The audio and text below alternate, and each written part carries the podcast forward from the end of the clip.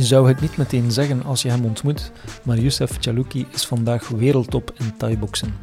Hij reist de wereld rond op weg naar de ultieme kamp. Hoe meestal mijn seizoen eruit ziet, buiten corona natuurlijk, vecht ik één keer per jaar in eh, België. Dan is hij in de Lotto Arena. En voor de rest is het zo goed als altijd in het buitenland. Als kind kreeg hij angstaanvallen bij de gedachte aan een conflict. Zijn drijfveer was de zorg van zijn oudere broer en coach om meer voor zichzelf op te komen. De confrontatie van het ge- een gevecht te hebben, was voor mij altijd heel angstaanjagend. Dat was altijd echt, zelfs als ik vriendjes, vriendinnetjes op school een gevecht of een ruzie zag uitbreken, je kreeg echt zo'n een anxiety attack een beetje. Dus Van zijn ouders mocht hij enkel trainen en zeker niet deelnemen aan competitiekampen. De passie voor de vechtkunst was echter zo groot dat hij tot zijn zeventiende uit het raam kroop om toch wedstrijden te vechten. tot mijn profwedstrijden klom ik elke wedstrijd van het raam. Want de ouders wisten niet, allee, ze zeiden je mocht trainen, maar geen wedstrijden. Dus elke wedstrijd, op den duur was echt een procedure. Eh, om vijf uur s morgens opstaan, sluipen naar de garage, sportzak klaarleggen, een eh, doosje make-up van mijn zus mee in de sportzak voor het geval dat ik iets zou hebben aan mijn gezicht, met een touw langs het eh, raam naar beneden. In de tuin laten vallen, niet zelf hè. Dus mijn zak, mijn beneden, want dat maakt een geluid, die ploft natuurlijk van de zak. Naar beneden laten vallen. Zeg, en dan zit je al klaar en dan word je, ga je terug even slapen. Zeven uur word je wakker, snel de broer wakker maken, sluipen naar buiten. En eens je buiten bent, vertrokken, ga je naar je gala, ga je wedstrijd vechten. Is het vechtsport of vechtkunst? Jan Hoed wist het en Youssef had het mooi samen. Jezelf overwinnen is kunst en dat ontstaat niet zonder twijfel of pijn. En wel, het plezier is eh, een beetje het winnen van jezelf. Dat is het eigenlijk. Want eh, hoe je het ook draait of keert, als je naar die ring stapt, zit je met heel veel twijfelgevoelens. Heb ik wel goed getraind? Ga ik moe worden? Eens dat je begint, gaat alles vanzelf. En is dat, is dat kunst, echt waar. Dat is adrenaline, dat is genieten.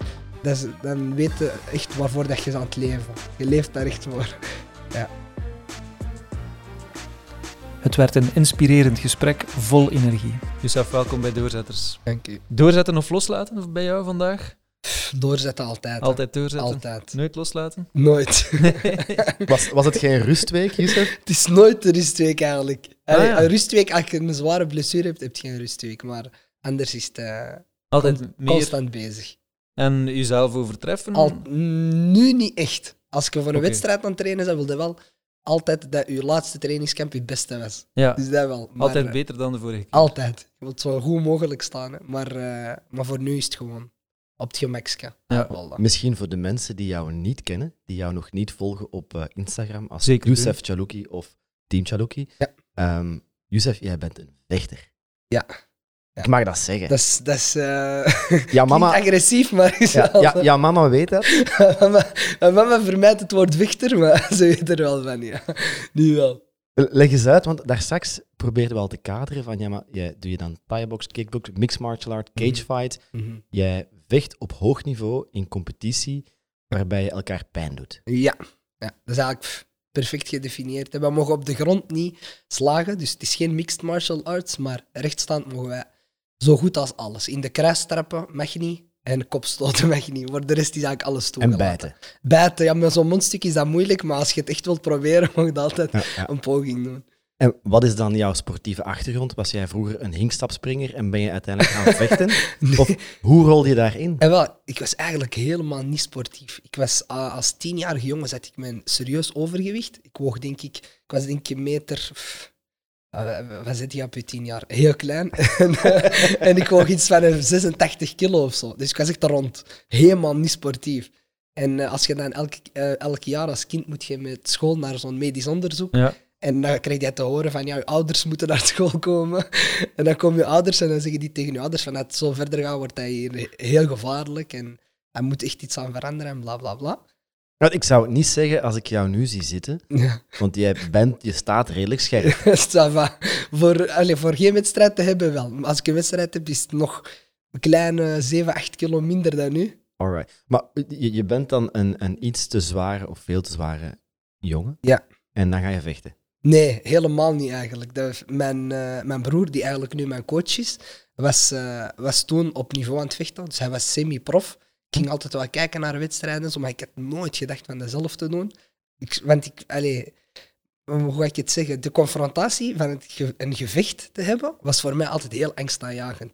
Dat was altijd echt, zelfs als ik vriendjes, vriendinnetjes op school een gevecht of een ruzie zag uitbreken, je kreeg echt zo'n een anxiety Ja. attack een beetje. Dus Dus jij, bent een conflictaverse vechter. Helemaal. Echt. Helemaal. Ja.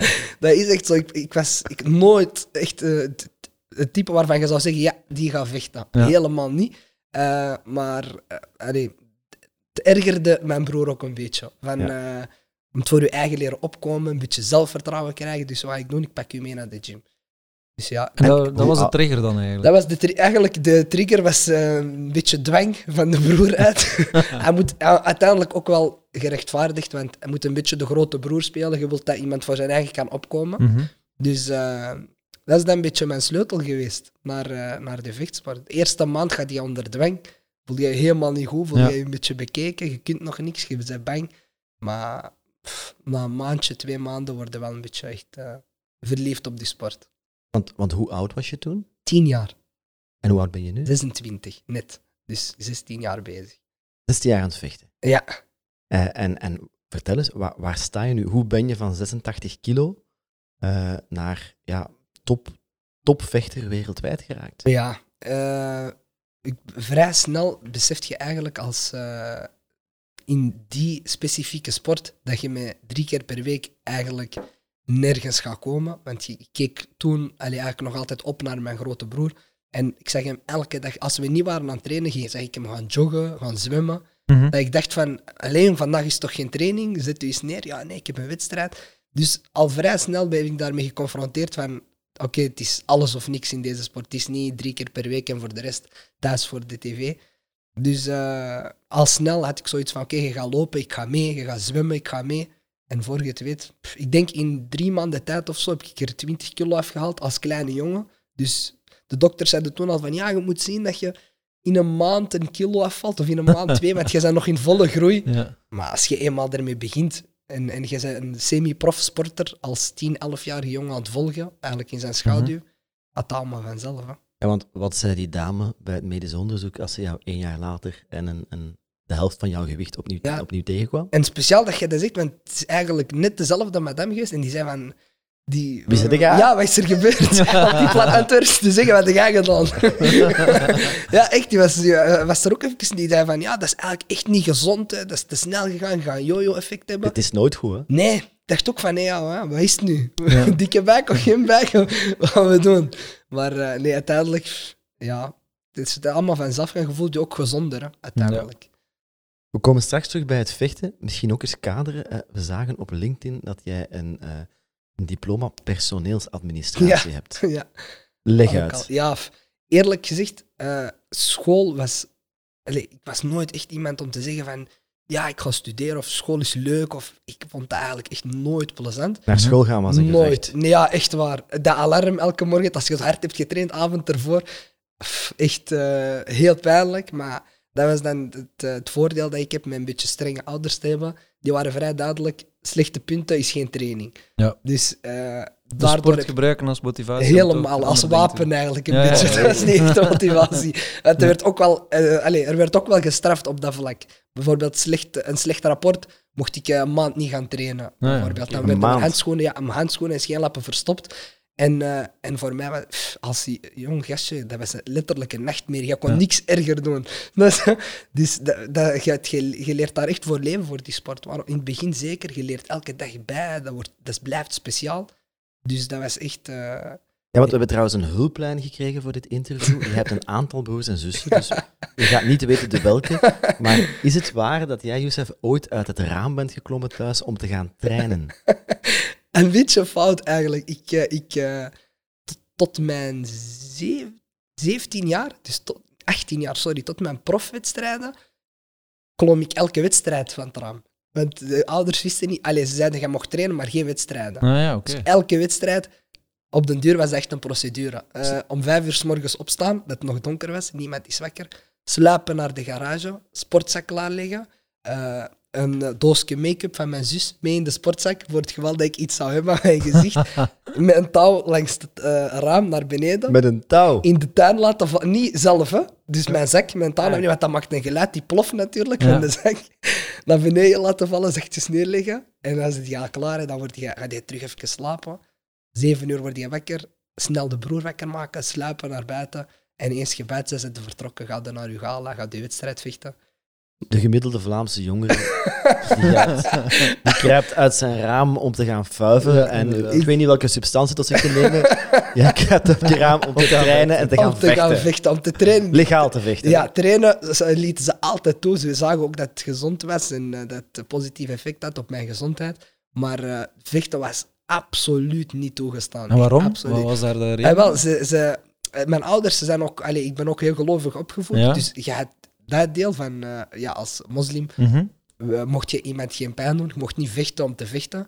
Uh, dus dat was het één punt. En het andere punt, ze, ze zagen er ook het nut niet van in. Ze zagen, zeiden van, waarom ga jij nu op iemand zijn gezicht gaan slagen? Je kent die helemaal niet. Ze begrepen het sportaspect er niet echt ja. van. Voor hun was dat geen sport. En aan de ene kant begrijp ik hun wel helemaal, want nu ik al die moeilijke tijden, die wedstrijden, verliezen, winnen, elke training doet pijn, ik zou dat mijn kind ook niet willen zien doen. Ja, want los van geloof, mijn ouders zouden er ook maar raar Tegen. van opkijken. Voilà. Als, ik, als ik morgen... Ik heb ook nog wel een paar jaar karate gedaan, mm -hmm. maar ja, dat was allemaal zeer gecontroleerd. Ja, ja maar deze Goed, we komen er straks op terug, ja. want het is heel boeiend. Ja. Uh, maar sorry hoor, personeelsadministratie. Youssef. Niet normaal, hè? Laat dat niet zeggen, hè? Nee. Was dat ook de dwang van de ouders, van jij gaat een, een, een diploma hoger onderwijs halen? Nee, nee, nee, dat is eigenlijk echt raar. Hè? Zoals ik al zei, ik was helemaal geen fan van school, maar ik was letterlijk heel mijn schoolcarrière lang ofwel beste van de klas of tweede beste van de klas. Puur gewoon omdat ik zoveel met mijn sport hield. Ik had zoiets van, oké, okay, we gaan hier niet half en half. Ik ga even hard zoals ik voor mijn sport ga, ik voor school. Dus altijd er bovenop uh, uitgestoken, qua punten, qua studeren. Het streverke echt geweest, altijd. Ja. altijd. En dan had ik mijn diploma en dacht ik, oké, okay, ik ben nu zover, dus om nu te stoppen zal dom zijn. Uh, natuurlijk, die extra duw van, uh, van mijn zussen, broers, die allemaal verder hebben gestudeerd.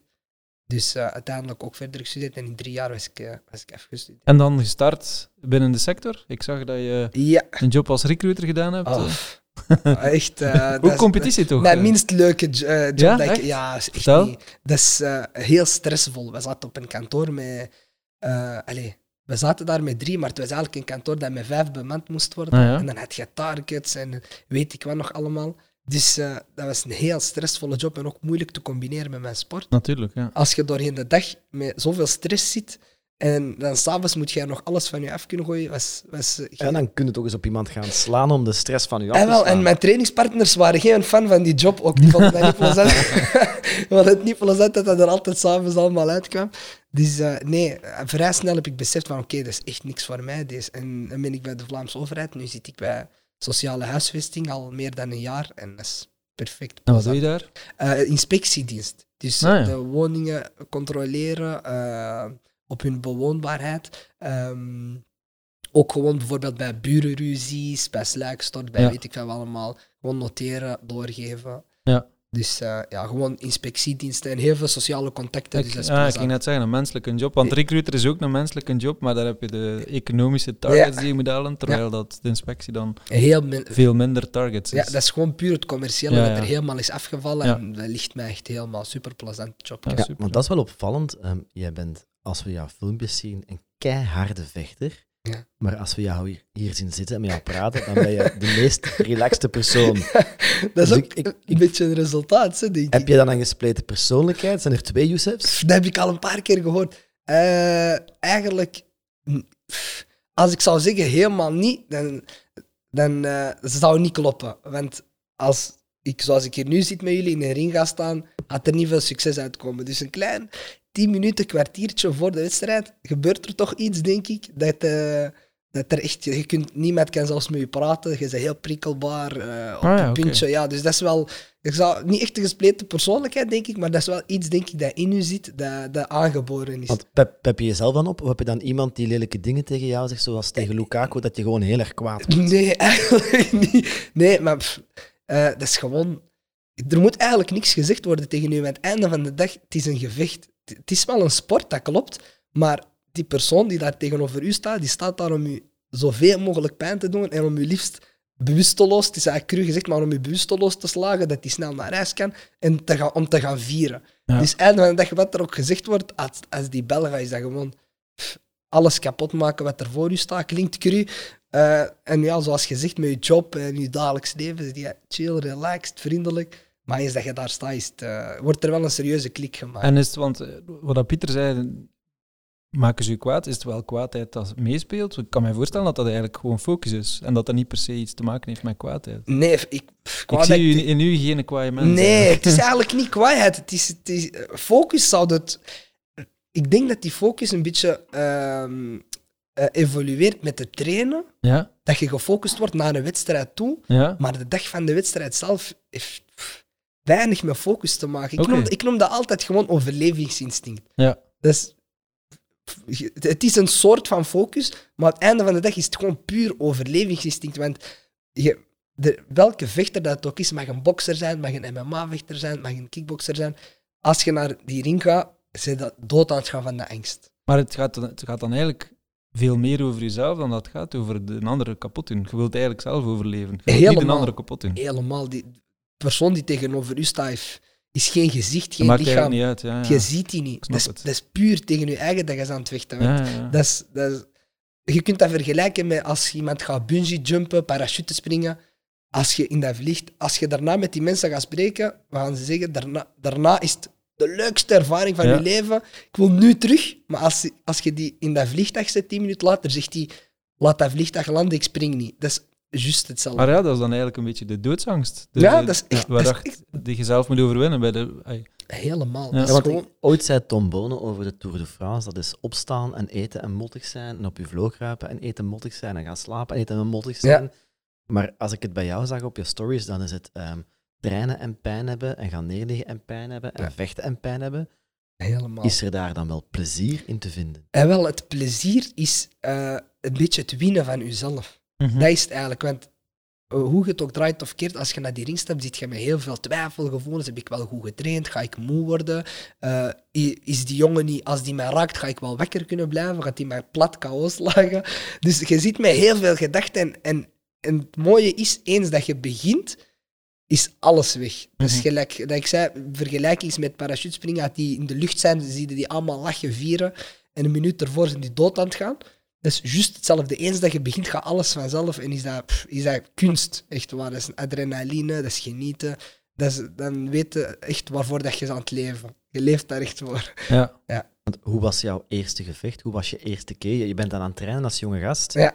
Je ouders willen niet dat je vecht. En ergens ga je dan toch op een podium staan of in een boksring en ervoor gaan. Ja, mijn eerste wedstrijd was ik 12 jaar, denk ik. Ik denk dat ik 12... Ik was heel jong.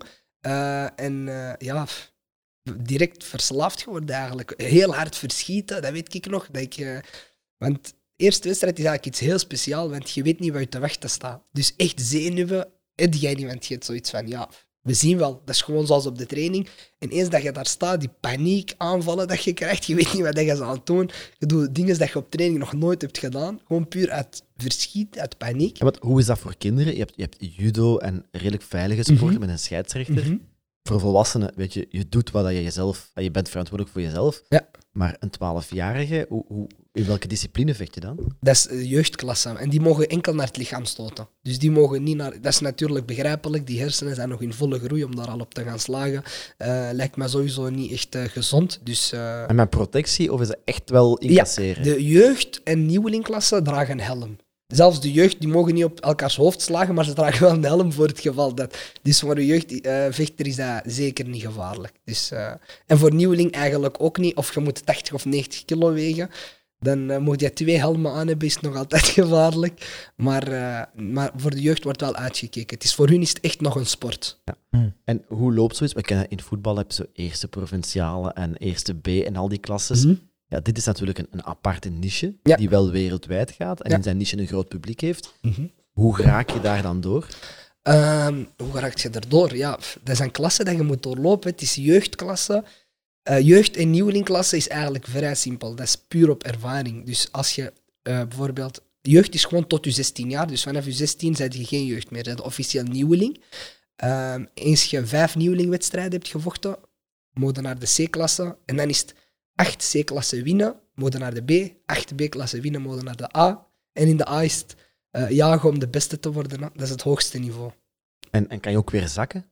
Nee, dat zou makkelijk zijn. Dat zou, in mijn ogen zou dat eh, een optie moeten zijn. Maar dat is momenteel nog geen optie. Dat is zoals de voetballers die één klasse lager spelen bij de amateurs, omdat ze daar een grotere envelopjes waar En geld wel, krijgen. heel, Ja. dat is juist hetzelfde eigenlijk. Maar ik vind, ik vind eh, in onze sport is dat een beetje anders. Want bijvoorbeeld mensen die gaan van eh, eh, B-klasse, de semi-prof, die, die worden prof. En de eerste drie, vier wedstrijden dat die prof vechten, gaan die heel zwaar knock-out. En zie je echt het niveauverschil.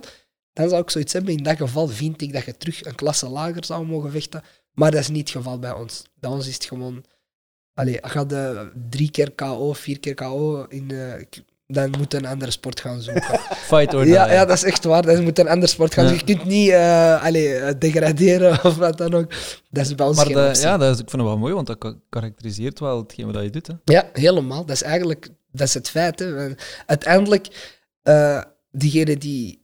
Ja, allee, ik heb het al in, in mijn carrière of in de tijd dat ik in de sport zit heel vaak gezien dat mensen tot de prof of semi-prof, dus tot de B-klasse of de A-klasse gaan en dan verdwijnen van de aardbol. Die doen een wedstrijd, worden toegetakeld of, of ze merken van oké, dat niveau hier is een beetje anders en verdwijnen. Ik heb wel heel veel echt super talenten dat ik zeg, dat wordt een wereldtopper, die één, twee keer verliezen en je ziet die niet meer, je hoort die niet En meer. dat is omdat ze de mentale stap niet kunnen maken als zijnde van ik moet gewoon mezelf verbeteren, nog beter worden en daar niet over geraken dan? Dat is, dat is puur mentaal, is 100% mentaal. Maar ik denk dat het vooral ligt aan het feit ze doen een wedstrijd en tijdens de wedstrijd voelde jij soms al van oké, deze jongen is te goed voor mij, ik ga hier een pak slag krijgen, dat komt niet goed. En ik denk als je het gevoel hebt van oké, deze niveau is te hoog, ik kan hier niks doen. En als je dat meerdere keren meemaakt, dat je uiteindelijk wel die klik maakt van oké, misschien gaan bowlen of tennissen of iets gaan doen. Iets gaan doen wat minder- ja, dat is Ja, wel het alternatief. ja, maar aan het einde van de dag, als je een eh, tenniswedstrijd verliest, eh misschien een beetje pijn in je hart, maar je slaapt done, lekker warm in je bedje. Ja. Maar zo, deze, gaan, zo eens gaan padellen. voilà, deze is wel een beetje anders. Je? Je, je, je bent nog twee weken lang aan het genieten van het pak slag dat, je, dat je hebt gekregen. Snap je? Vol blessures, overal pijn. Je begint je eigen dingen wijs te maken van "Allee, waarom doe ik dat eigenlijk? Dat is misschien niks voor mij. Dus dat is een heel groot mentaal aspect van Maar je zegt ook, tijdens de wedstrijd voelt je soms van mijn tegenstander is te zwaar. Hoe moeilijk is het dan om toch door te gaan en niet gewoon u daar te leggen en te zeggen ik stop? En wel, ik moet eerlijk zeggen, ik heb dat nog nooit meegemaakt. Ja, dat is iets wat ik, ook- ja, dat is, iets, dat is, dat is iets wat ik nog nooit in mijn leven... nooit, nog nooit verloren? Jawel, ik heb, ik heb in eh, mijn profcarrière heb ik eh, v- eh, 36 of 37 wedstrijden, waarvan drie verloren. Alright. En die drie keer dat ik heb verloren, is drie keer op technisch knockout. Dus wat wil dat zeggen? Dat is dikke pech. Je zit in een wedstrijd, je krijgt een stoot en de benen werken niet meer mee. En dat drie keer dat ik heb verloren, heeft, eh, is eigenlijk mijn coach, de, mijn broer, dus eigenlijk eh, Mhm. de redder geweest. Dus die heeft de handdoek in de ring gegooid. Ah, Dus ja. drie keer is dat dikke pech. Kan altijd gebeuren als je geraakt wordt met een stoot. eh, equilibrium eh, werkt niet meer mee, beentjes worden spaghetti. En mijn broer is ook, allee, die kent mij, dat is het voordeel van je broer te hebben als coach. Die ziet aan nu van oké, de- deze die gaat niet meer winnen. Er is geen reden om nog extra schade te krijgen. Dus echt schade indringen heb ik nog nooit gehad. Want, want Ja. voor jouw broer, hè, die heeft destijds zijn dikke kleine broertje mee naar de training genomen. Ja. En nu is zijn iets minder dikke en iets minder kleine broertje A-klasse fighter. Ja, Eh, waar staat hij en hoe voelt hij zich daarbij? hij, hij is al een tijdje geleden gestopt eh, met, vechten. broer? Mijn broer is er 33. Oké. Dus hij is een tijdje geleden gestopt met vechten. Eh, voor hem is dat nu gewoon...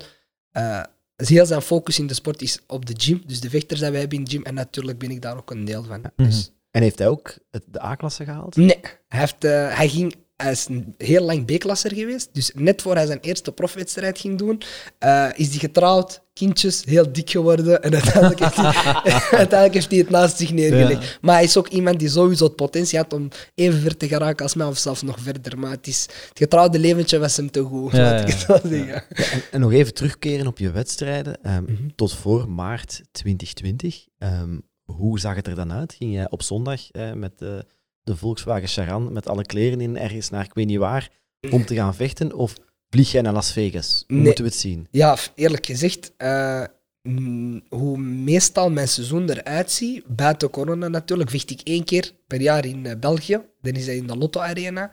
En voor de rest is het zo goed als altijd in het buitenland. Dus die posters in Antwerpen van zo'n grote fight, dat ben jij. Ja, Alright. ja meestal. Meestal wel, ja. Dus één keer per jaar. En voor de rest is het altijd vliegen naar het buitenland. Dat- op zich vind ik dat... Zelf vind ik dat niet zo leuk, omdat allee, B-klasse en de C-klasse vecht je vooral in België. Dat is leuker, je fans zijn er, Mhm. je familie. Dus dat is, dat is ook leuk. Allee, je doet een wedstrijd en een paar uur later zit je thuis in je zetel. En nu is het na- naar je hotel. Je wilt gewoon thuis in bed liggen, maar je bent niet thuis. Laat ik het Zeg, zo een, zeggen. een, Lotto-arena, Ja. dan vol Ja, ik heb En- daar nu denk ik vier keer gevochten. En vier keer ja, vol. hè. en dan zit heel Antwerpen zit daar en die roepen allemaal Youssef. Ja, ja, ja. Dat, is, eh, dat is altijd wel een heel heftige wedstrijd voor mij. Hoe komt het dan dat we jou niet op, op sportweekend zien of niet in de klassieke media? Want jij haalt dan toch een groter publiek Ja. dan een aantal leuke kajakkers of Mhm. eh, ehm, roeiers die al wel eens het journaal halen. ja, ja. Dat is, dat is, eh, het publiek is... eh, ehm, allee, elke sport heeft zo zijn eigen publiek. Ik denk iemand die heel goed is in cricket, is heel bekend bij de mensen die fan zijn van cricket. en dat is net hetzelfde bij, bij, in, in onze sport. Allee, bijvoorbeeld, ik persoonlijk in, eh, over heel de wereld, eh, als mensen iets weten over Thai-box, en ze zien mij vechten of ze zien, hebben ze sowieso iets van, ah, ik heb die al zien vechten, of ah, ik ken die. Of- Mhm. maar eh, echt, het algemene publiek is daar niet zo mee bezig, denk ik, met vechtsport. Ja, zijn hierboven. Wat zijn die aan het doen? Oké, goed, we gaan het gewoon negeren. Eh, dus ik was met een draad kwijt. Ehm, ja. ja, want recent, Youssef, was het op het... eh, de, de grote nieuwe hype was darts, omdat er ergens een iets wat dikkere Belg, die redelijk veel op café zit, een relatief hoog niveau haalde Ja. eh, met vogelpikken. Ehm, pikt dat dan niet bij jou, dat je die, dat je die acknowledgement niet krijgt? Acknowledgement is eigenlijk gewoon iets. Ik vind deze sport is wel iets wat je echt voor je eigen doet. Als je het voor andere mensen doet, moet je er niet mee beginnen. Want je weet op voorhand van oké, het publiek eh, gaat er wel zijn, maar het gaat beperkt zijn. Het gaat niet, niet iedereen is voor vechtsport en voor. eh allee, ja, degenen die zijn voor vechtsport, gaat er bekend bij zijn. Maar Ja. al de rest gaat misschien iets van u gehoord hebben, maar zeker niet om te zeggen, je wordt, je wordt heel beroemd ervan. Ja, oké. En dan vecht jij voor een volle lotto-arena. Ehm, Ja. Sta jij in de week sociale woningen te inspecteren. en daar straks vertelde je dat je net een, een, een contract zou ging, gaan krijgen. Ja. En toen kwam corona. Ja. Vertel. Ja, we waren dus in volle onderhandeling voor eh, eigenlijk de allee, grootste promotie ter wereld eigenlijk. Dat is Glory. Dus dat ging het eigenlijk worden. We waren daar mee bezig. We waren er heel dichtbij. En, eh, en dan was het corona. Dus dan valt letterlijk alles dicht. Eh, en eh, ja, dan moeten we even wachten en hopen dat eh, na corona dat je gewoon verder kunt gaan. En Glory is de hoogste klasse. dat is de Champions League. Ja, dat is de Champions League van, van kickboksen. En hoeveel tegenstanders, hoeveel fighters zitten er in die klasse dan? Dat, is, Wereldwijd? dat is mijn gewichtsklasse. Ah, en ja. ik denk elke gewichtsklasse zo'n twintigtal, Ah, ja, twintigtal vechters ongeveer. Dus dan, En dat is ook gewoon een klassement tot aan de titelen. Maar dan is de, elke wedstrijd is een wedstrijd op leven en dood. En dat is niet... Je hebt geen tussen mensen, tussenpersonen, mensen met een minder niveau. nee. Elke wedstrijd, gaat, ja, elke wedstrijd gaat een heel zure worden. ja. En de, de wedstrijden worden dan gelood, worden gepland, gekozen. Zoals bij de voetbal, er is een kalender waarin dat je weet, dan, is- dan vecht ik tegen de dienen, dan tegen de dienen. Ja, dus het is een beetje management. Hè? Dus je moet zien, eh dat, je management moet dat eigenlijk regelen. En, Ah, ja. eh, en eh, voor de rest. Zijn- Oh. Dat zijn deals zoals bij Delphine Persoons. Dat is een deal dat, dat mijn manager spreekt met jouw manager en die zegt, wij gaan vechten. Net hetzelfde. Ah ja, het is- exact hetzelfde. Het is Ja. niet om de zoveel tijd, eigenlijk Antwerp tegen Beerschot, moet Nee. Youssef tegen persoon X. Dat zou heel plezant zijn, moest dat zo zijn, vind ik. Want dan heb je wel altijd duidelijk een beeld van wie de sterkste is, maar bij ons is dat, Dat niet is zo. niet zo. Ah ja. Nee, bij ons is het echt management. Mijn management praat met uw management of met een promotor van een gala. Die gaan onderhandelen. En op die manier eh, allez, wordt de wedstrijd Dat is ook een hè. nog een beetje het spektakel dan eigenlijk. eh, Eigenlijk wel, maar de alles... Ja, want alle, elke video, elke promotie, elke persconferentie dat je moet doen, zeg je, zit daar eigenlijk gewoon om reclame te maken voor een wedstrijd. Dus dat is eigenlijk elkaar een beetje afbekken. Ik ben beter dan u, ik ga wel laten zien dat ik beter ben. Ervoor zorgen dat mensen willen kijken. Hè. Heeft dat een impact op u als sporter? Eh, de, Die, die mentale ik rol voordien? ik ben daar fan van. Ik, ben- ik ga dat ook elke keer als ik een kans heb om, als ik een kans heb om, een, om dat te doen, om een wedstrijd te hypen, zal ik dat elke keer doen. Ja, ja. Omdat ik, niet enkel om dat te hypen, maar ook gewoon... Ik, ik bezie het echt als een gevecht. Voor mij is dat geen wedstrijd. Snap je? Ja. Dus hoe meer er is gezegd, hoe meer ik eigenlijk op voorhand zoiets heb van, amai, die heeft dat en dat, en dat gezegd, ik moet, ik moet die dat betaald zetten. Snap je? dus ik wil echt dat creëren. Ja. Soms lukt dat en soms niet. Soms zit je iemand aan het uitdagen en proberen die echt te lokken om er echt een ruzie van te maken. Soms gaan ze daarmee in en eh, vaak niet. Vaak blijven ze heel En respectvol. doe je dan zo thuis brainstorms met je kameraden van wat kunnen we over ten die zeggen en hier zijn uw, hier zijn uw speakkaartjes, zeg deze op dat moment. Eigenlijk wel. Eigenlijk wel. Echt waar. Eigenlijk, je, je, je, probeert er, je denkt erover na, bewust of onbewust, van oké, hoe ga ik die mensen zo hard mogelijk irriteren? Ja. Eh, en, en als je het eenmaal gevonden hebt, gaat het zoveel mogelijk uitbuiten. Want breng je die persoon dan uit concentratie of ben je die net aan het oppeppen om kwader op jou te worden? Je brengt die volledig uit concentratie. Als hij erop ingaat, moest hij er niet op ingaan, wat ik ook meemaak, dat ze er heel cool onder blijven en, en heel sportief. Weet ik niet echt of dat, dat effect heeft. Ik denk van wel, misschien in hun onderbewustzijn, maar als ze daar echt mee ingaan en dat, en dat duwen trekken, eh, verbaal dan, dan, dan voelde dat ook gewoon tijdens de wedstrijd. Dat dat in Antwerpen, mijn vorige wedstrijd, mijn laatste wedstrijd eigenlijk, wat nu echt lang geleden is, eh, met corona, was dat heel hard aanwezig. Dus ik zal eens misschien die video laten zien van de promotie. was heel eh, heftig, heel persoonlijk. Eigenlijk door mij gecreëerd, van niet vanuit hem. Ik zie u glunderen. Ik zie u glunderen. En wel gewoon omdat... En uiteindelijk heeft dat ervoor gezorgd dat die wedstrijd een gek spektakel was. Een Dus de- wedstrijd het van de gevecht begint eigenlijk al lang voordat je Ja. samen op het podium staat, Ja. In elkaar een beetje afdreigen. Dat kun je eigenlijk doen. Wordt niet veel gedaan in onze sport, maar ik ben daar wel fan van. Ik vind dat, wordt, dat maakt het meer van een, ge- een gevecht. Dus ik vind dat wel leuk. En als een andere dat doet bij u, dat heeft ook wel impact bij u. dan. Dat is heerlijk. Dan ga ik Ja. daar volledig in mee en zorg ik ervoor dat, eh, dat ik er nog bovenuit kom. Dan komt de streven ja, boven. voilà, dat is echt waar. Ja. Dat vind ik nog het plezantste. Want wat is eigenlijk het belangrijkste in zo'n gevecht? Is dat goed kunnen slaan en stampen, of is dat goed zijn in slagen en stampen te krijgen? Alle twee, eigenlijk. Alle twee. Je moet kunnen... Het is geven en nemen. En aan het einde van de dag, degene die het minste kan eh, incasseren, is degene die, die meestal niet wint. Mhm. Als je, als je geen stoot of trap kunt incasseren, gaat je, gaat je niet op het hoogste niveau kunnen overleven, want iedereen stoot en trapt hard. Iedereen. Ja. En laat staan als je dan nog dat extra... Want persconferenties en reclame en al die toestanden, dat zit er niet in het lage niveau. Dus als je dat daar nog eens bij krijgt, dus dat je eerst nog eens mentaal eh, serieus getest wordt, en dan start je in de ring, en krijg je dan nog eens een pak slag, dat is heel moeilijk. Dus je moet daar echt allemaal mee kunnen omgaan, mentaal en fysiek. Want, Ja, ja. want als, als, als, als iemand verliest, wanneer, wanneer iemand verliest, is dat dan dat hij vooral omwille van fysieke redenen verliest? Of gaat in het hoofd het licht uit en het geloof dat je kan winnen? Eh, ja, eerlijk gezegd, naar mijn mening is, is alles mentaal. Want ik zie het zelf ook in wedstrijden. Er is altijd een bepaald punt in de wedstrijd van mij, of ik nu heb gewonnen of verloren, dat wij alle twee beseffen van, oké, dat gaat niet uw dag zijn, of ja, het gaat niet mijn dag worden.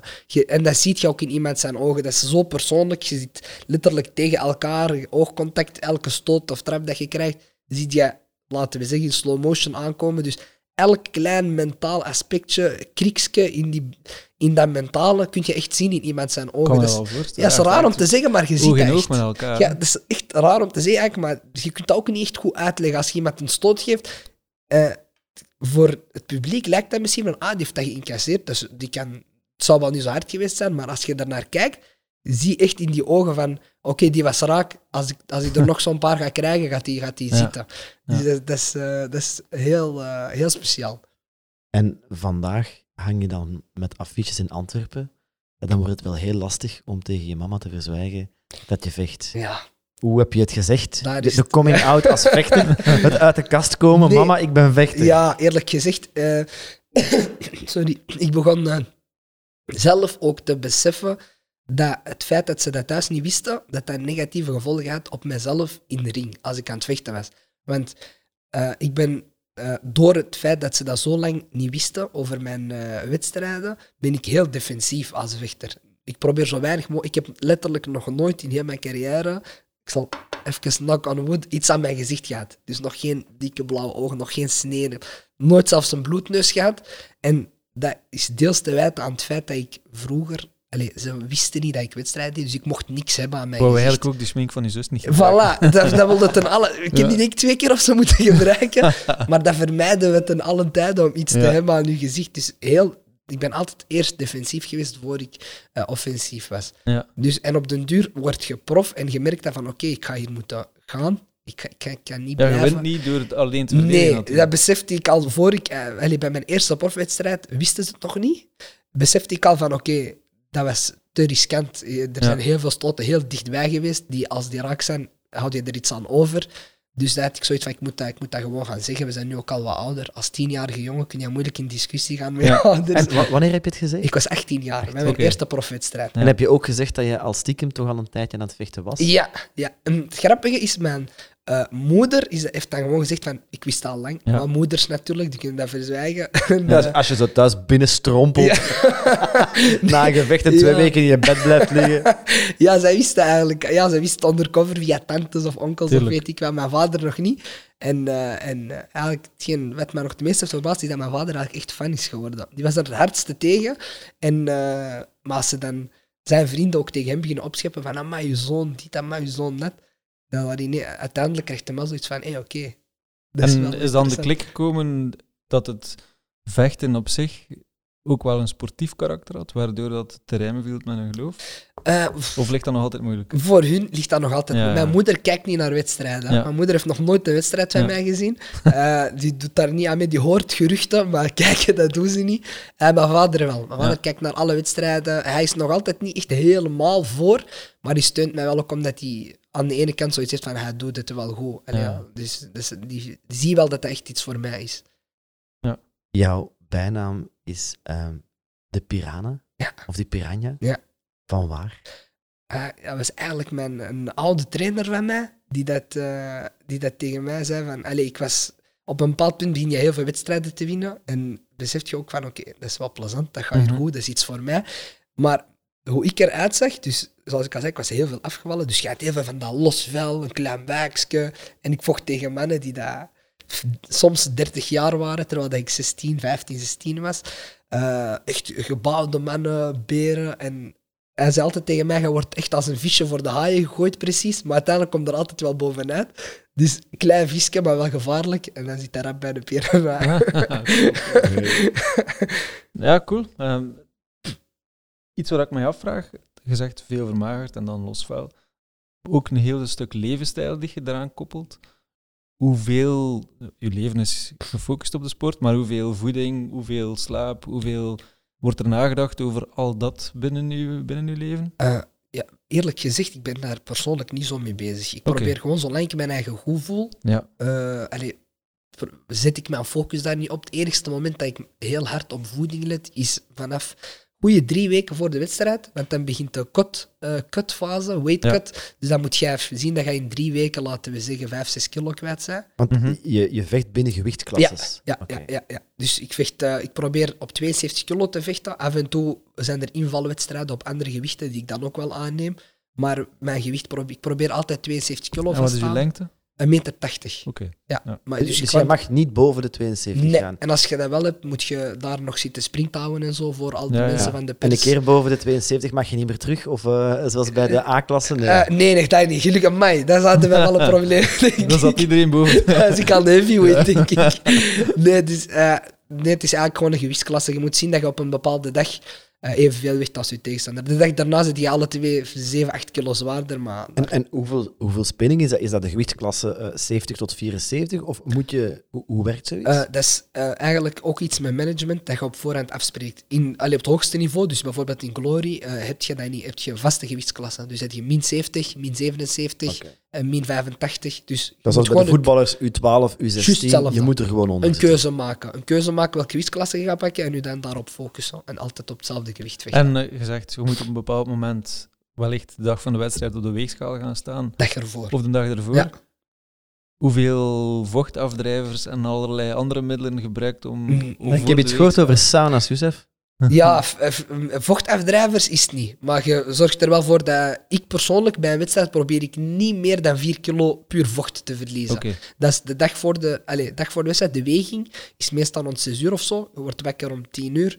Van 10 tot 5 is je focus elke druppel vocht dat in mijn lichaam zit, moet eruit. Moet eruit. Dus dan gaat je, het, meest, het maximum dat ik al heb gedaan in mijn leven was 5 kilo, maar dan zit je, zit je helemaal op. Dus, Dus vijf kilo vocht op één dag eruit. op een paar uurtjes. Maar dan zijn echt zotte. Dat is, dat is, Dat is- pff, je wilt dat niet weten. Dat is echt letterlijk slepen naar de sauna. En zo echt met strompelen. Dat ze als je moet opstaan, moeten ze achter u gaan staan, dat je niet flauw valt. Ja. Dus dat is wel heel heftig. Maar nu ik op, eh, het een beetje onder controle heb, probeer ik ga niet over de 3 kilo. Dus dat is, dat is het gezondste. Vanaf dat je boven eh 10% van je lichaamsgewicht gaat, dus 7, 8 kilo in mijn geval, dan zit je in levensgevaarfase. Dus daar, daar blijven we ver vanaf. Ik doe meestal 2, 3 De kilo. bodybuilders eh, zitten... Voilà. En wel, dus, want ja, het is al veel voorgekomen dat er mensen flauw vallen bij beweging, dat ik ook zelf al heb gezien. Ja, ja. Eh, er zijn zelfs een paar overlijdens geweest. Ja. Ik denk in onze sport, in de geschiedenis, ik denk vijf of zes. Puur gewoon door eh, weight te cutten, te veel, 10 kilo op een dag proberen. En dan je nieren werken niet meer, je bloed, moet, je bloed wordt dikker, je hart moet harder pompen. En dat kan fataal aflopen. Hè. Ja, want ik dacht uit jouw stories voelde ik me wel verbonden met jou. Want ik, ik zie een aantal Youssef, ik zie de iets zwaarder Youssef en dan zie ik de lichtere Youssef. En dan zo ook de motivational quotes Ja. eh, over hoe je dat gewicht bereikt. Mhm. Maar ik dacht, ja, Youssef heeft zoals ik een beetje een uitdaging om zijn gewicht onder Ja. controle te houden. Maar vandaag is alles scherp, precies. Ja, ja, nee, niet echt scherp. Ik ben nu, allee, ik weeg momenteel eh, rond de 83 kilo. En als ik een wedstrijd heb, dus naar training, naar Nu wedstrijd- 83. Nu 83. Weging 72. Ja, maar naar een 11 kilo. Ja, maar ik ben niet voor een wedstrijd aan het trainen nu. Wanneer. Nu ben ik gewoon aan het onderhouden. Eens Ja. ik voor een wedstrijd begin te trainen, wandel ik rond, rond de 77. En dan de laatste drie weken, zoals ik al zei, werk je rustig naar die 72. Ja. Want ehm, ja, je mag één knuffelcontact hebben. Hè. Misschien als je single bent, mag je Twee. twee hebben. Twee. Voilà. Ehm, Dat dus weten we dan ook. Je moet ook knuffelen, betekent dan bij jou op elkaars kop hameren. Ehm, ja. Ja. je mag voorlopig geen wedstrijden doen. Mhm. Of ik weet niet of jij via Zoom en Teams eh, wedstrijden Nee. fight. Eh, kan het kan, hè, wie weet. Maar, maar hoe is het om een, een jaar quasi Een jaar. als atleet in corona geen contactsport kunnen beoefenen? Zelfs op training beperkt Ja. te zijn. Ja, dus ik ben momenteel sparring heel af en toe. Hebben wij een beperkt eh, team met profvechters, want die mogen nog trainen. Dat wij trainen met twee, drie man, maar zeker niet in groep. Dat, dat, momenteel mogen wij dat niet doen. Ik had ook net voor corona had ik eh, vier wedstrijden staan. Twee in Spanje, twee in Frankrijk. Alle, alle vier eh, van de kaart. Dus dat is dingen heel, echt een domper. Mhm. Puur op, moti die- op eh, motivatiegebied is dat echt een domper. Maar op den duur begint erover na te denken, iedereen zit stil. Dus je begint wat te joggen. Ik heb ook mijn privétrainer, krachttrainer. ehm, Perfect Athletes, eh, Jimmy is dat, in eh, Schelde. Ehm, dus ik ben nu vol- volop met dat bezig. Proberen niet helemaal van de kaart te hollen. En heb je zicht op een eerste wedstrijd na corona al? Ik hoop dat ik zo snel mogelijk iets hoor, maar voor Ja. nu weten we nog niks. Wel, Ja. elke, elke twee weken veranderen de coronaregels, dus Ja, ja. het is wel moeilijk. Hè? En dan nog eens als je Europees of internationaal vecht. Want is het eerlijk, ik weet verleden jaren met de wielrenners, mochten de atleten in België wel trainen. Mhm. En mochten bijvoorbeeld in Spanje of ik dacht in Frankrijk, eh, bijna niet buiten komen buiten een kilometer rond de woning. Ja. Eh, waardoor er eh, zelfs commentaar was omdat Belgische wielrenners het seizoen konden voorbereiden en, en heel België afreden en dat op Strava en andere platforms Ja. zouden. En ze kritiek kregen van de andere atleten in Spanje, omdat ze natuurlijk voor dezelfde wedstrijden Ja. trainden. Ja, als jij ergens tegen een Oezbeek gaat vechten en het regime is daar iets anders, ja, is, het, is het dan eerlijk? F, ja. En dat is, dat is een beetje het voordeel aan het is een individuele sport. hè. Kun je niet boksen, gaan lopen. Kun je niet lopen, gaan zwemmen. Dus excuses kun je sowieso niet hebben. Einde van de dag, eens je op profniveau ziet, iedereen kan boksen en trappen. Het is eigenlijk Ja. heel conditioneel. Als je condi ik kan nu bijvoorbeeld, eh, als ik nu zes maanden geen enkele box of trap uitdeel, en ik ben elke dag wel aan het joggen, fietsen, zwemmen, dan kan ik perfect een wedstrijd gaan draaien op het hoogste niveau. Dat, je verleert dat niet. Misschien gaan die reflexen wat trager zijn, eh, je scherpte is misschien wat minder, maar je kunt perfect een wedstrijd gaan draaien dan. Dus het is heel individueel en heel, ook heel conditioneel. Wat zijn vandaag nog jouw doelen? Je bent van een, een, een dik, jong Ja. jongetje naar een, een, een ongelooflijke atleet gegaan die vier sportpaleizen gevuld. Er zijn heel veel bekende Vlaamse zangers en zangeressen, eh, of, eh, sorry, lotto-arena's, Ja, die dat niet kunnen, maar ook die lotto-arena. hè, Dat is Ja, toch, ja, eh, ja. Er, er zijn heel er ploegen in België die daar willen spelen, die dat Klopt. niet gevuld krijgen. Klopt. Ehm, je zit in die A-league. Eh, wat is dan je doel? Uh, mijn doel is eigenlijk gewoon de beste. Ik probeer ervoor te zorgen dat er altijd een doel is. Als, uh, dus als kleine jongen was mijn doel afvallen. Oké, okay, je bent afgevallen. Oké, nu is mijn doel, ik wil een wedstrijd draaien. Dan ik, heb ik een wedstrijd gedraaid, dan is het, ja, ik wil, uh, ik wil B-klasser worden. Heel lang was mijn, echt mijn levensdoel, ik wil B-klasser worden. Ik wil een semi-prof-wedstrijd doen en dan heb ik alles bereikt wat ik wil. Mm -hmm. Dan doen een semi-prof-wedstrijd. Vorige twee had er tien gedaan en deze allemaal gewonnen. Dan jij eigenlijk een profwedstrijd misschien? Prof, en eens dat je in die prof zit, wil je de beste worden. Dus ik denk waarschijnlijk als ik de beste word, dat ik zwemmer of zo wil worden. Ja, er, is, er, is, altijd een doel. Er is altijd een, kan altijd Cricket spelen. Voilà, we kunnen altijd wel iets creëren. Hoe weet je dan of je de beste bent? Is dat dan de andere? Is er een wereldtitelsysteem met 15 bonden zoals in dat boksen? Of hoe werkt zoiets? Mm, de, je hebt eigenlijk drie, je hebt drie, laten we zeggen, bekende. Je hebt Glory, dat is de grootste. Als je daar de titel hebt, zit je de beste ter wereld. In mijn ogen. Je hebt One Championship, dat is in Azië. Um, dat is een beetje de Crocky Cup van het vechten dan. Wat? Ze zijn alle drie uh, vrij groot. Zijn vrij groot. Je hebt Glory, je hebt uh, One en je hebt Infusion. Dat zijn drie organisaties. Bij Infusion heb ik nu heel lang gevochten. Maar omdat ik nu met uh, Glory in onderhandelingen was, heb ik ervoor gekozen om bij Infusion contract te stoppen. En, uh, en, just je mag maar binnen één organisatie of één ja, systeem ja, vechten. Allee, mag je niet. Als je free agent bent, kun je kiezen waar dat je vecht. Maar, uh, maar ik, was, ik had een contract met uh, Infusion. Dus ik, ik zat daar eigenlijk een beetje vast. Ik heb, denk, Jij kreeg, je werd betaald om voor hen, of binnen dat netwerk te vechten. Te vechten, ja. Dus ik had, ik had dan 28 wedstrijden gedaan voor Infusion, waar we twee verloren. En ik had het gevoel van...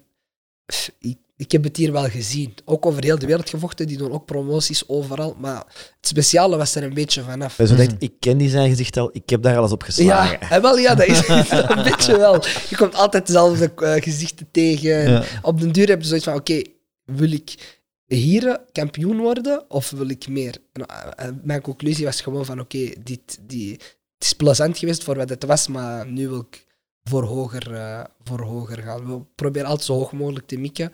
En eens we dan in onderhandeling begonnen komen met Glory, was het heel makkelijk om te kiezen van oké, in Infusion willen we sowieso niet meer vechten. Of het moet zo zijn als free agent een wedstrijdje meepikken is altijd leuk, maar echt onder contract zou ik niet meer zitten. Mm dus ja, nu zijn we free agent. Ik heb nu een manager, een uh, Fransman, met wie ik uh, nauw, contact heb. En, uh, en die is dan in onderhandeling voor mij eigenlijk. hoe werkt dat? Moet je dan zes gevechten winnen of tegen de beste van? Of hoe werkt het om dan te bepalen wie is nu de beste? vechten tegen de beste. Dus waarschijnlijk, als ik moest ik tekenen bij Glory, zou ik tegen iemand in de top 15 vechten. Win jij, ga je misschien daarna iemand van de top 10 krijgen. En dan zo proberen tot aan degene met de gouden riem te komen. En, uh, en, als je die dan wint, zet je officieel de beste. En dat is met knockout. Dus als je die met de gouden riem verslaat in één wedstrijd, één keer, Eén keer. dan krijg jij Moet niet op knockout, mag ook op punten, maar als je wint, zet jij de beste. Ja. ja. ja. Ah, oké. En heeft iedereen zijn stijl? Elke vechter heeft zijn bepaalde stijl ja, dan? klopt. En dan is het eigenlijk aan u om als professioneel vechter je huiswerk te doen en om te weten van deze vechter heeft een harde rechtshoek, deze vechter heeft gevaarlijke benen, deze heeft gevaarlijke knieën. En daarop trainen. Hè. Dus dat is wat ik doe samen met mijn broer. Wij maken eigenlijk echt een gameplan van oké, als ja. er met dat komt, gaan we dat doen. Ja, kunt u daar ook niet altijd aan houden. Er komt heel veel bij kijken.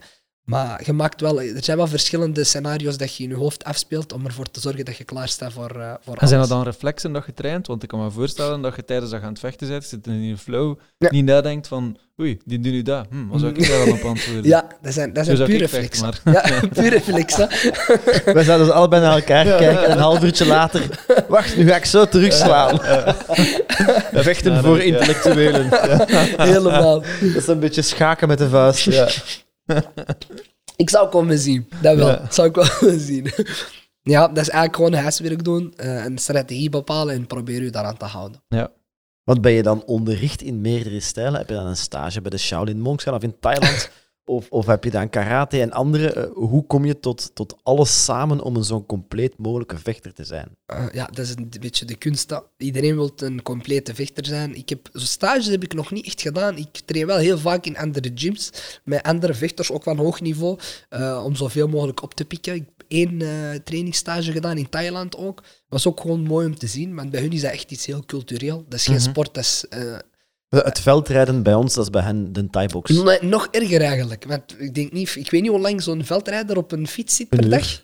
Per dag? Een, Ja, Ah, nee, per dag. Nee, de wedstrijd is een uur. ja, per, per dag qua per training. dag bedoel denk ik wel dat die toch Een of een, vijf, ja. ja, misschien Ah, wel, twee, ja. drie uur op de fiets en nog een twee, Voilà. drie uur andere vormen van sport. En wel, nee, en wel, ja, ongeveer hetzelfde. Zo. Want, want allee, naar daar gaan, naar Thailand gaan, was voor mij echt gewoon kijken hoe dat die mensen leven. Mhm. Want we weten hoe het- de Thaise vechters staan ook erom bekend. Ze zijn ook altijd het hoogste niveau geweest.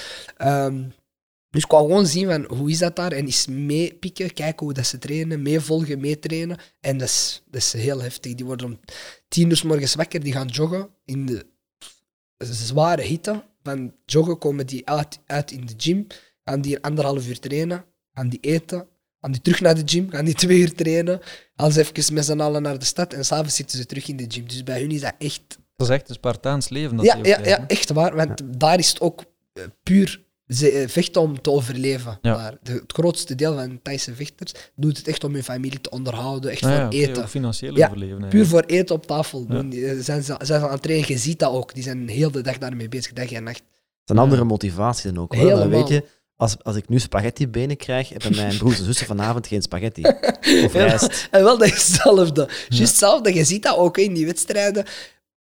Als jij verliest, gaat je twee dagen slecht gezien zijn, maar die mensen die verliezen, hebben die, zijn die serieus wat geld kwijt, Ja. hebben die een hongertijd dat die eh, tegemoet gaan. En dat zie je ook in die wedstrijden. De ene is echt aan het vechten om te overleven, en de andere is een wedstrijd aan het draaien. Dat is wat ik bedoel met het verschil tussen de wedstrijd draaien en echt het vechten.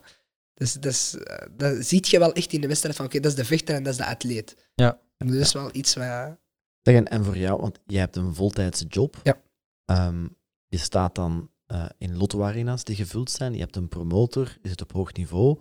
Ehm, is dat dan iets waar je van kan leven? Kan je, als je ziet in Vlaanderen zijn er zwemmers die van Blozo een loon krijgen Mhm. en die toch een aantal jaar daar van overleven. Mhm. Heeft, biedt Blozo jou een loon aan? Of, of leef jij van, van de, de, de bierverkoop op zo'n gevecht? Werkt zoiets? Nee, dat is eigenlijk, je krijgt, je krijgt een gage hè, voor de wedstrijd. Voor de wedstrijd dat je draait, krijg je een gage. Dat is dan startgeld of je moet winnen? Nee, startgeld. Je kunt er ook voor zorgen dat je samen met je tegenstander iets kunt afspreken of zo. Maar, eh, maar meestal is dat gewoon eh show money. Ja. Komen en je hebt je, wets- en je, hebt je, je bedragsje. Maar ervan leven zou ik niet zeggen. Op, zolang je niet op het hoogste niveau zit, denk ik niet dat je ervan kunt leven. Ja. Dus wat zie ik wel mensen doen, wat doen ze? Ze geven privélessen of ze geven training. Of, daar kun je extra mee verdienen. Maar eh, echt ervan leven, nog niet. Want hoeveel gevechten kan je als, als professioneel vechter op jaarbasis hebben? Want ik vermoed dat je ook wel een beetje moet recupereren, dat je Ja. dat niet iedere zondag doet. Nee, per, eh, per jaar de gemiddelde vechter doet er 4, 5 profvechter. 4, 5 Om wedstrijden. de drie maanden. Ja, twee, om de, drie drie, maanden. om de twee, drie maanden een Ja. wedstrijd. Ja, want juli, augustus zijn er heel weinig galas, dus dan is het meestal een soort van eh, stop. Maar eh, voor de rest van het seizoen is het eigenlijk drie, vier, vijf wedstrijden. Ja. Ja. Maar ik heb nu met corona, allee, had ik er ook zo vijf, zes staan. En eh, uiteindelijk is het eentje, twee, twee geworden vorig seizoen. En deze seizoen niks natuurlijk hè, met corona. Dus als je de, in de Glory tekent, ga je niet meteen stoppen met eh, sociale voordelen? Nee, maar ook gewoon puur omdat ik... eh, ja, bijvoorbeeld toen ik thuis woonde, hoefde ik niet te werken, snap je dat? dat ik Ja, ja, oké. thuis, eh, Hotel Mama, Ja. dat is geen probleem, maar ik, ik, ik, ik hou niet zo van thuis zitten. En ik ben ook niet het type dat drie keer op een dag gaat trainen. Ik ben... Ik, allee, tegenover andere vechters, ik zie het bij heel veel vechters, ook jongens tegen wie ik vecht, trainen drie keer per dag, twee keer per dag. Ik heb nog nooit, ik heb dat eigenlijk nooit gedaan. Ik heb altijd één keer per dag gewoon getraind. Ik Mhm. wil het plezant houden. Ik, ben een beetje, ik heb een beetje schrik voor echt zo die burn-out te krijgen in die sport. Dus ik vermijd dat. Ik wil eh, altijd wel die honger en die zin houden voor te sporten.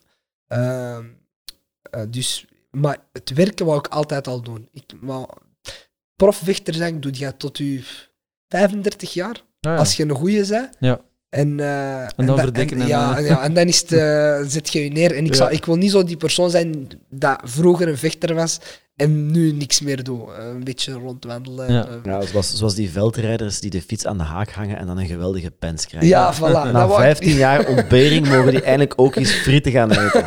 Voilà, dat is het eigenlijk. En ook gewoon, ik wou niet eh, enkel de vechter zijn. Ja. Je? Dat is ook echt puur persoonlijkheid.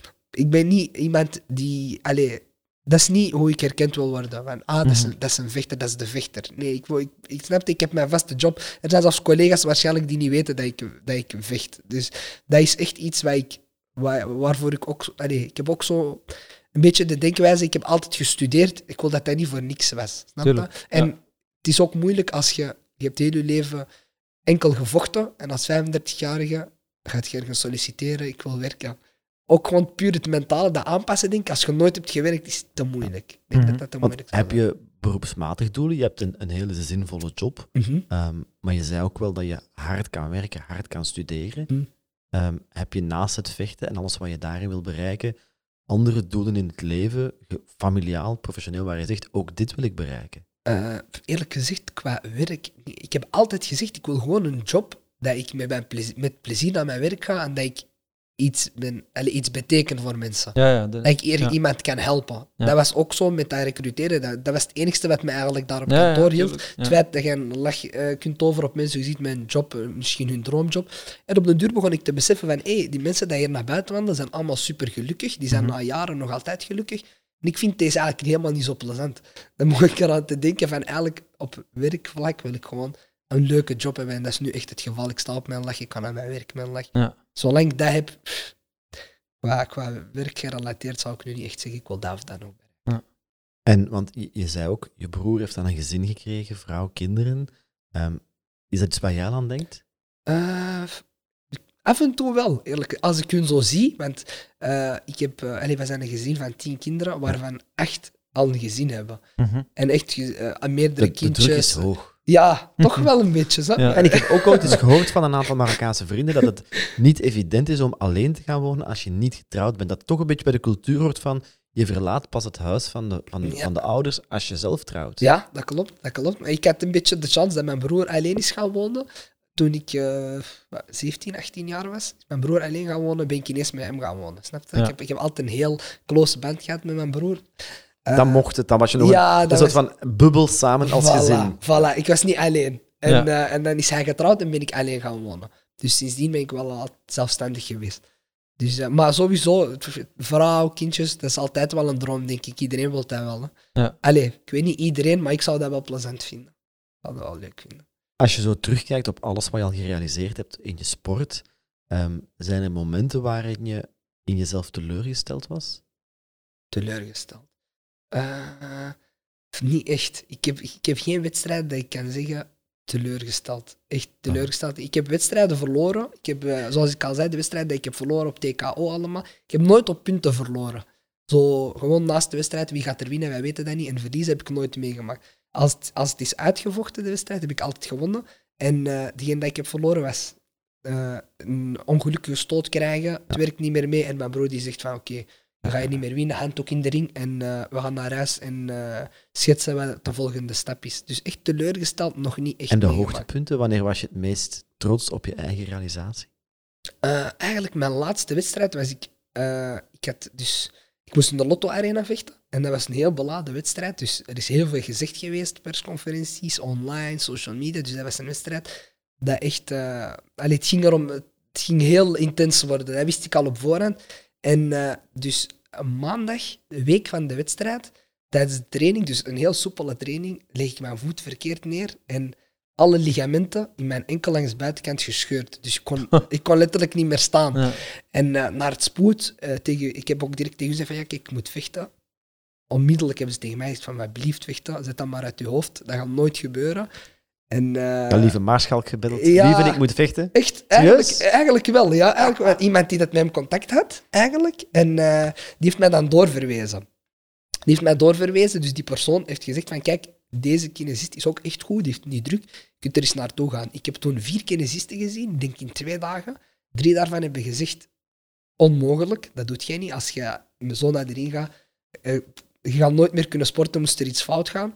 Eh, Mhm. Mijn broer ook, mijn coach, mijn broer was helemaal niet akkoord ook. Die wou die wedstrijd zo snel mogelijk afzeggen. Maar in onze sport is een beetje zo die cultuur van... Je Don't durft niet. chicken out. Je durft niet, snap je? En dat was een wedstrijd, dat was te veel gezegd. Dus tot woensdag... tot- Eigenlijk was de wedstrijd al bezig daar. helemaal. En, en ik had ook zoiets van, als ik deze wedstrijd afzeg, dan gaan we voor eeuwig Ja, ja, achtervolgen. dat is gewoon afgaan. Voilà, en, en mijn broer zei ook van, ja kijk, daarom juist moet het niet doen. Er is heel veel gezegd, dus doe dit niet. Want als het nu fout gaat, je kunt geen excuusje verzinnen. Als Je kunt niet achteraf zeggen, maar ik had een pijnlijke ja, voet. dat gaat niet. Je kunt dat enkel zeggen als je wint. niet. Als je verliest, houd het voor je eigen. Hij Ja. had dat op voorhand al duidelijk gezegd van, kijk, ik, ik, normaal zou ik niet Ja. meegaan. Als je er echt achter staat, ik ga mee met u als coach. Maar weet wel, moest niet gaan zoals dat je denkt dat het gaat. Eh, niemand gaat dat ooit weten van je voet. pech. Je hebt er zelf voor gekozen. Dus uiteindelijk een, toch een kinesist gevonden die het dat helemaal vastgetaped. Tot de woensdag was ik denk ik met kruk aan het rondwandelen en zaterdag in de Lotto Arena vechten.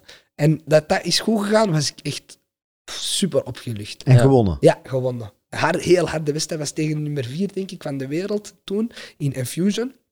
Dat is een heel harde wedstrijd. En eh, ja, toch gewonnen. Chance dat hij niet op benen gefocust heeft, want ik wist op voorhand dat ik de trap op krijg, is de wedstrijd afgelopen. Ja, die had geen mannetjes in het ziekenhuis om Nee, te checken. nee, of in de nee, club een, een spion die, die, die kijkt. Ah, ja, maar Youssef heeft zijn... Ja, echt chance gehad eigenlijk dat hij dat niet... Want ja, als je dan een trap op krijgt, je gaat ook laten zien dat er iets is. Sowieso. Ja, en. Ja. ah, tot de woensdag, ik zeg tot de woensdag, was ik met kruk aan het, aan het rond te huppelen. En mensen die me ook tegenkomen van, ah jammer dat de wedstrijd niet doorgaat.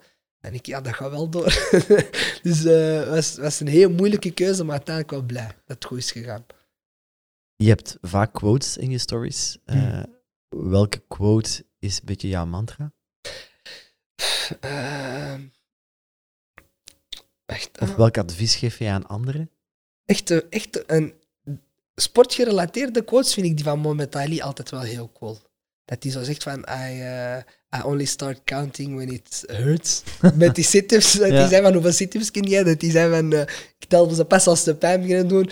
Daar hou ik wel van. Dat vind ik wel echt, eh, zijn quotes zijn wel eh, top. En ook gewoon David Goggins, als jullie die kennen. Nee. Ook echt iemand, ultramarathonloper is dat. Ook echt een zot. Echt iemand dat jullie zouden moeten volgen. Dus, die komt ook altijd met quotes.